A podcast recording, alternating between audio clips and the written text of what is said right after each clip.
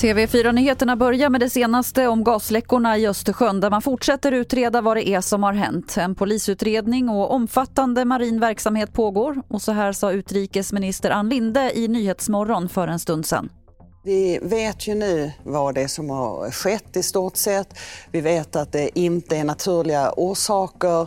Det är detonationer eh, och det är ju då troligt sabotage.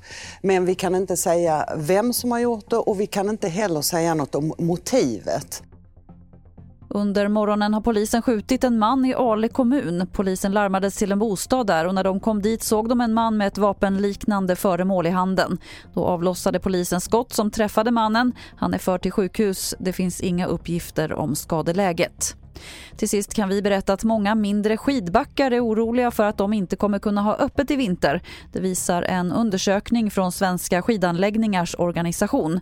Liftsystem, uppvärmning, belysning och att tillverka snö kräver en hel del el och på grund av de höga elpriserna kan mindre anläggningar tvingas stå still i vinter. Fler nyheter finns på tv4.se. Jag heter Lotta Wall.